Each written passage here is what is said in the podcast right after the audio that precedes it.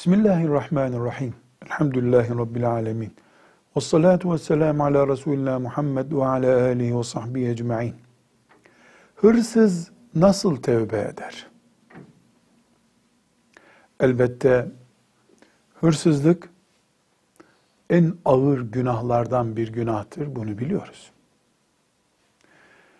Hırsızlık ya da diğer ismiyle çalmak hem Allah'a karşı müminin işleyeceği bir suçtur hem de kul hakkı dediğimiz insanla ilgili haklardan bir haktır.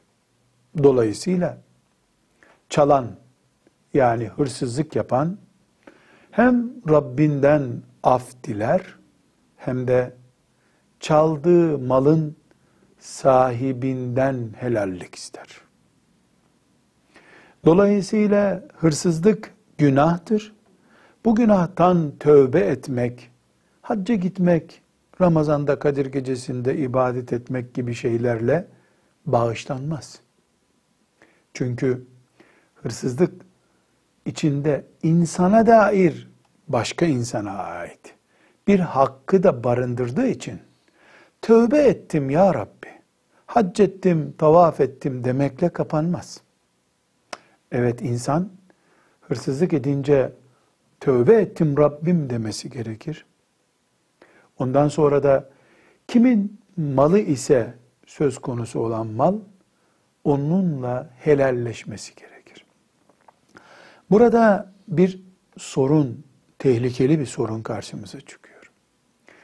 Şu şahsın veya bu şahsın malı ise eğer söz konusu olan hırsızlık nesnesi gidilip ondan helallik alınması kolaydır. Ya devlet malıysa, kamu malı ise bu helallik nasıl sağlanabilir? Bir ülkenin şu kadar milyon nüfusu o ülkenin bütün malının sahibi demektir. Kamu malından alınmış bir liranın helalliği, kamuyu yansıtan bütün insanlardan helallik alınmasını gerektirir. Bu da mümkün değildir. Yetimi var, çocuğu var. Konuşamayanı var, hastası var. Helallik vereni var, vermeyeni var. Bunun için hırsızlık kötü, kamudan yapılan hırsızlık çok kötü. Bunu bilerek sözümüze devam edelim. Hırsızlık suçu işleyen, başkasına ait değeri olan bir şeyi çalan bir insan elbette önce Allah'a tövbe edecek. Beni affet ya Rabbi diyecek. Sonra da asıl yapması gereken şey aldığı neyse onu götürüp sahibine verecek. O gün bir sene sonra, 20 sene sonra, 50 sene sonra, 80 sene sonra hiç değişmez bu kural. Kul hakkında zaman aşımı yoktur. Kul hakkında hacca gittiği için silinmişlik mümkün değildir. Yüz sene sonra götürülüp verilecek. Hatta 200 sene sonra bile torunları o malı götürüp hak sahibinin torunlarına verecekler. Helallik sağlansın diye. Bu arada üç kuruştu, 50 sene sonra üç kuruşu götürdük, işe yaramayan bir değer haline gelmiş olabilir. Evet o rakam borcumuz olan rakamdır. Ama ortada 50 yılın neden olduğu manevi bir zarar da vardır. İşte onun için helallik istenilecek. Hakkını helal et denecek. Eğer elimi öp helal edeyim diyorsa ne ala eli öpülecek. İki gün evimde hizmetçilik yap helal edeyim diyorsa o da çok güzel.